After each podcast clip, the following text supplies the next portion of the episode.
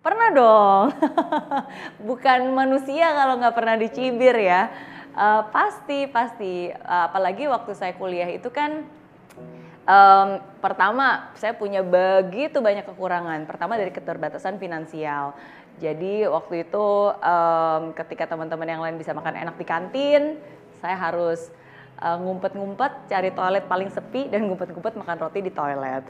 Um, ketika teman-teman yang lain waktu itu mungkin bisa enak-enak jalan-jalan ke Orchard Road atau mungkin uh, hangout dan seterusnya, ya saya harus bekerja uh, dan pekerjaannya pun juga bukan pekerjaan yang yang keren ya. Waktu itu pekerjaan saya sebagai seorang pembagi brosur di jalanan, lagi bagi brosur jalanan, jadi plan restoran gitu, pekerjaan-pekerjaan yang um, apa ya yang um, banyak orang mungkin memandang sebelah mata dan berpikir ih ngapain sih kamu kan mahasiswa uh, kenapa nggak kerja di kantoran? Gitu. Masa kerja bagian brosur kayak nggak punya otak aja?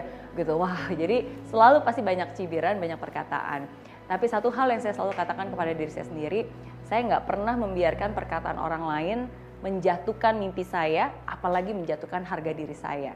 Jadi um, kadang kata-kata tidak harus dibalas dengan kata-kata, tapi kata-kata dari mereka bisa kita jadikan semangat untuk kita buktikan dengan karya hasil nyata.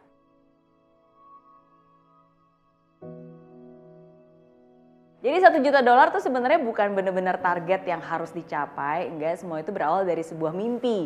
Jadi ceritanya ketika saya ulang tahun ke-20, waktu itu hidup susah, penuh, penuh dengan keterbatasan dan saya tuh pengen banget ngerasain rasanya jadi orang sukses, pengen banget bisa bayar hutang, pengen banget bisa punya kebebasan finansial. Makanya saya bikin target, pokoknya sebelum saya ulang tahun ke-30, saya harus sudah bisa punya kebebasan finansial, bayar seluruh hutang, membahagiakan orang tua selagi saya masih bisa, selagi mereka masih ada. Nah, jadi kalau saya bisa bilang tujuan utama begitu saya lulus kuliah dan uh, bekerja dengan sangat keras itu tujuannya cuma satu, pengen cepet-cepet bayar hutang, hutang pendidikan ya, hutang pendidikan saya waktu itu 40 ribu Singapura dolar, um, kalau dikursin ke rupiah berarti sekitar 400 juta rupiah. Jadi pengen banget bisa uh, membayar hutang-hutang itu, makanya saya bekerja keras dan bersyukur uh, kerja keras membuahkan hasil. Jadi di tahun pertama saya bisa bayar hutang-hutangnya, saya punya modal, baru dari situlah akhirnya saya mengembangkan bisnis saya. Dan kalau tahun pertama juga bisa bayar bayar utang yang 40 ribu Singapura dolar, jadi along the way akhirnya secara tidak langsung ya terkumpullah satu juta dolar di usia 26 tahun.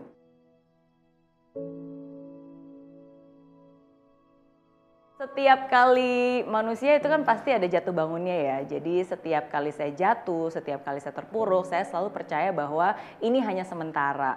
Uh, semua ini pasti akan bisa berubah, keadaan bisa berubah, situasi bisa berubah, tapi semua itu tergantung dari keputusan saya. Kalau saya uh, give up, ya of course saya akan selalu uh, gagal gitu. Tapi kalau saya get up, gitu. Saya bangkit saya mencoba saya berusaha saya berani untuk take risk. Ya at least kesempatan itu bisa uh, saya rubah. Um, kesem, uh, pintu kesempatan masih bisa terbuka kemenangan masih bisa diraih uh, kesuksesan masih bisa kita cari gitu. Jadi saya selalu bangkit setiap kali saya gagal karena saya selalu percaya selalu masih ada harapan.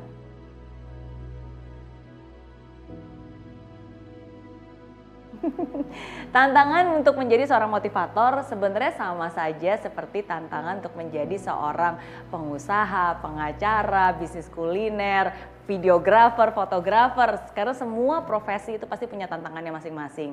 Dan tantangannya menurut saya uh, untuk kita bisa sukses di bidang kita masing-masing um, itu is not just about willing, but is also about skill. Ya, so it's will and skill. Will itu berarti kita harus punya kemauan, uh, kita harus punya passion, kita harus punya hati, tapi kemauan dan hati aja nggak cukup, kita juga harus punya skill, kita harus punya keahlian dan keahlian itu kan diasah.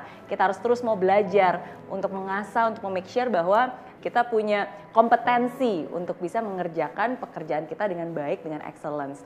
Jadi menurut saya tantangan untuk menjadi motivator sama seperti tantangan untuk menjadi semua uh, pekerjaan profesi lainnya.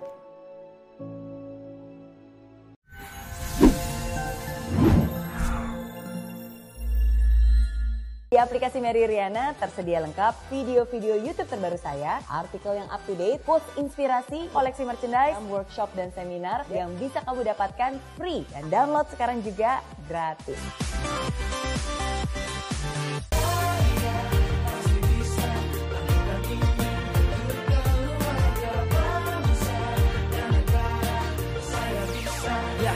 Ah, laksana bumi tanpa hujan, hidup tanpa tujuan, kering dan mati tanpa hijaunya tumbuhan. Ah, demikian kalau mimpi tak kunjung terjadi.